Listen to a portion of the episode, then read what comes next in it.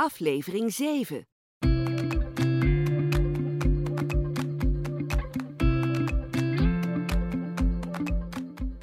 Dit is een podcast van Advocaten, Familie en Erfrecht met Inge Diepman en Joost Dix. Hartelijk welkom bij de Erfrecht Advocaten serie, waarin we de meest gestelde vragen behandelen over zaken rondom de erfenis. Met meester Joost Dix, hij is specialist op het gebied van uh, familie- en erfrecht, partner bij Advocaten Familie en Erfrecht in Eindhoven. Elke keer een feest om je te interviewen, Joost. Hallo. Hoi. nou, dit is helemaal leuk, want deze aflevering uh, die staat in het teken van verdwenen vermogen. Ja, dat klinkt als een spannende detective, vind ik. Hè? Dus uh, Joost, de verdwenen erfenis. Um, hebben we het hier over de, de, de hand van een zogenaamde dief die vermogen heeft weggesluist zonder dat je dat wist? Nou ja, jij zegt inderdaad, klinkt spannend en dat kan ik, kan me voorstellen. Maar als je ermee te maken krijgt, is het, is het natuurlijk alles behalve spannend. Hè? Ja, we hebben het hier eigenlijk over de, de situatie dat, uh, dat, dat er iemand overlijdt. En dat de erfgenamen zich dan afvragen, uh, waar, is, waar is het geld gebleven? Want men komt er dan achter dat, dat de bankrekening leeg is. Die situatie hebben we het over. Maar dan hebben we het niet over de situatie, want dat kan ook in een geval zijn dat uh, bijvoorbeeld moeder, uh, voordat ze is overleden, zonder dat de kinderen het wist, uh, wisten, haar vermogen aan goede doelen heeft gegeven. Ja, dat kan natuurlijk ook. Ja, zeker. Maar daar hebben we het in deze podcast niet nee, over. Nee. Okay. Wat is de meest gestelde vraag over het verdwenen vermogen? Ja, de meest gestelde vraag is natuurlijk, hoe komt dat weer terug in de nalatenschap? Krijg ik mijn geld nog wel terug? Je had hem kunnen voorspellen. Je krijgt er antwoord op in deze podcast.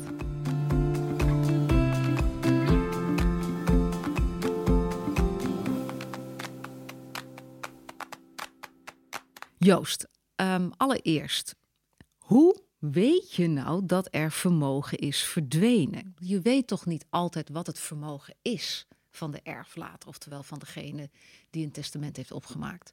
Nee, dat klopt. Hè. Dat weet je ook niet, uh, niet altijd. Hè. En soms is, is het zo dat tijdens leven hè, men er ineens achterkomt. Hè. De kinderen bijvoorbeeld van, goh, uh, we zien dus een bankafschrift van moeder en de, de, buurvrouw heeft de pinpas. En het gaat nou wel heel hard naar beneden. Hè. Dus soms kom je daar tijdens leven achter.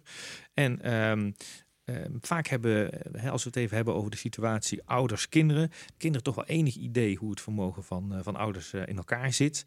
en dan, dan zien ze op een gegeven moment dat er niks meer op die bankrekening staat na een overlijden. Ja, en dan wordt er vaak gespeurd in de bankafschriften en dan, ja, dan kan daar van alles te zien zijn natuurlijk. Komt het veel voor nu? Nou ja, gek genoeg uh, komt dat Oftewel, heel wordt er veel veel voor. geprocedeerd, is misschien een betere vraag. Ja, wordt steeds meer over geprocedeerd, komt heel veel voor. Het is zelfs zo dat we met ons opleidingsinstituut uh, cursussen geven over verdwenen vermogen en hoe dat terugkomt in een nalatenschap. En die cursussen zitten gewoon altijd vol.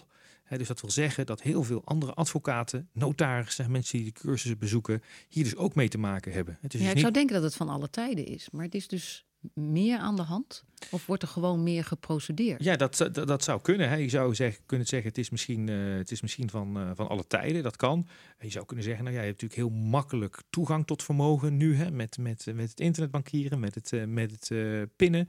Um, klopt, wordt ook veel meer geprocedeerd. Informatie is ook makkelijker beschikbaar. Hè. Dus ik denk dat het een combinatie is van, van die omstandigheden. Maar jij noemt de buurvrouw. Dus de, de buurvrouw die de pinpas heeft gebruikt. Uh, misschien in eerste instantie voor een paar boodschappen, maar toch dacht ik kan ook natuurlijk wel wat meer pinnen. En dat kan ik morgen ook doen en overmorgen ook. En de dag daarna ook. Is het, is, is het dat meestal? Nou, dat kan, dat kan zo zijn. Um, he, dus het kan ook zo zijn dat je wat, wat, wat men gewoon zou noemen diefstal is. Hè? Dat, dat kan aan de, aan de hand zijn. Uh, dan is het zo dat, uh, dat wij dat dan noemen, als advocaat noem je dat dan een onrechtmatige daad. Dus wat diefstal heet in het strafrecht, en noemen wij in het civiele recht onrechtmatige daad.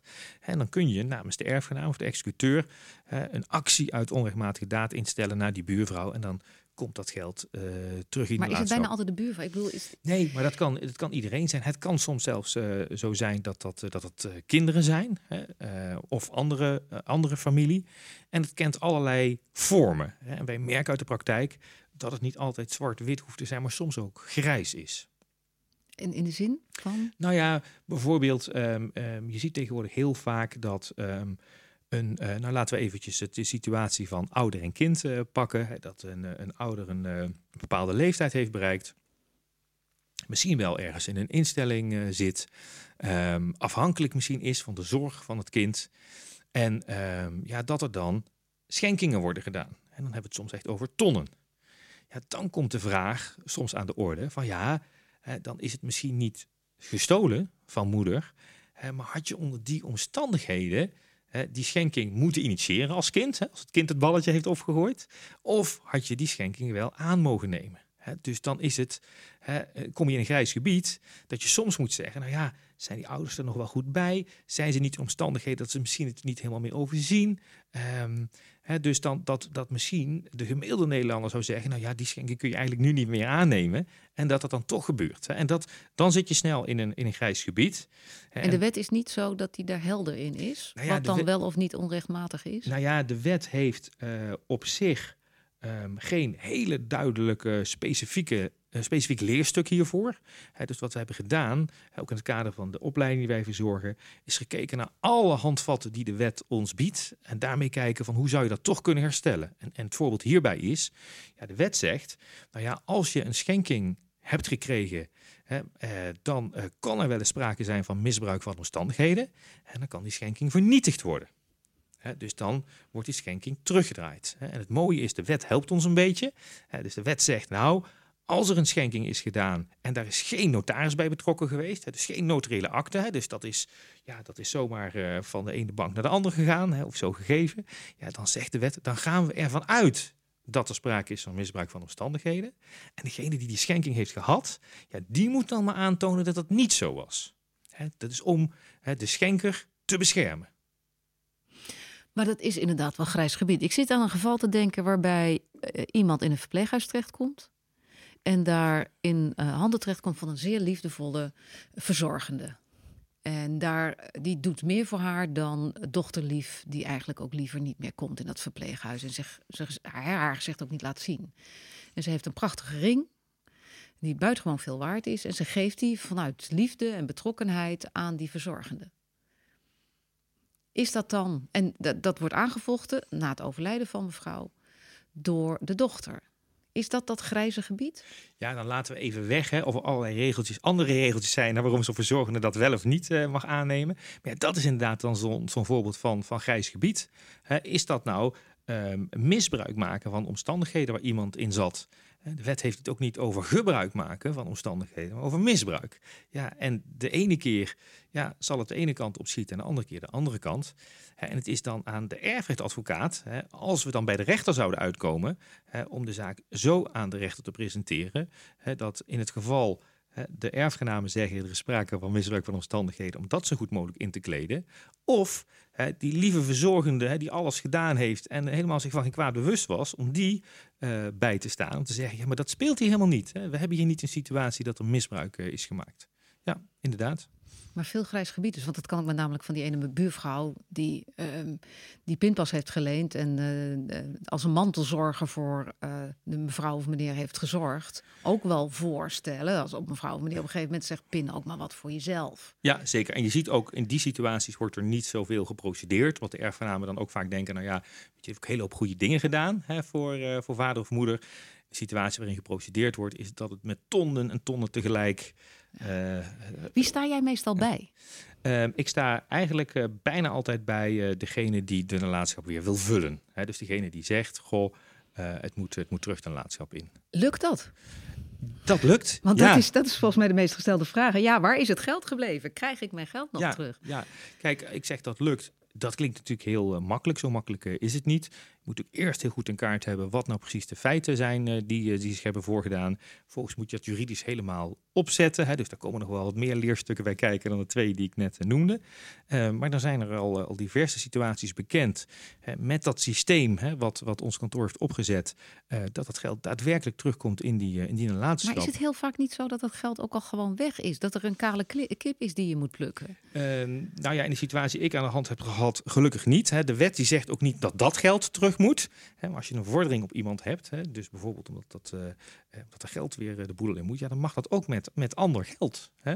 Uh, dan mag dat ook met ander geld. En dat, als mensen bijvoorbeeld een huis hebben, ja, dan zou in de ergste situatie het zo kunnen zijn dat dat huis verkocht moet worden. Of dat daar misschien een hypotheek op moet. Of als dat geld al, al verbruikt zou zijn. Ja. ja. Um, als erfrechtadvocaat word jij merendeels dus door de erfgenamen ingehuurd. Komt het voor, heb je het bij de hand gehad dat je werd ingehuurd door degene die beschuldigd werd van een onrechtmatige verrijking?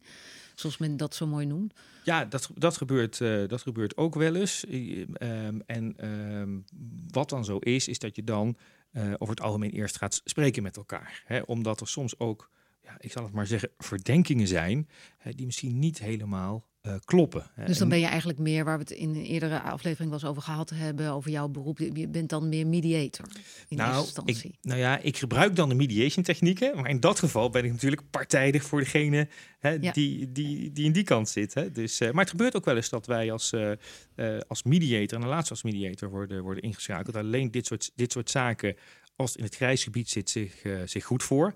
Als er natuurlijk de situatie is dat er, dat er echt forse bedragen uit die nalatenschap zijn gehaald, en dan zie je dat mediation misschien niet altijd uh, de goede methode is. Jij wordt af en toe niet zo vaak, maar je wordt af en toe door, een, uh, door iemand ingehuurd die beschuldigd wordt van het, het, het, het laten verdwijnen van een vermogen. Ja, of waar in ieder geval vragen uh, reizen bij, bij erfgenamen van hoe is dat gegaan. Ja. ja. Wat, en wat is je ervaring?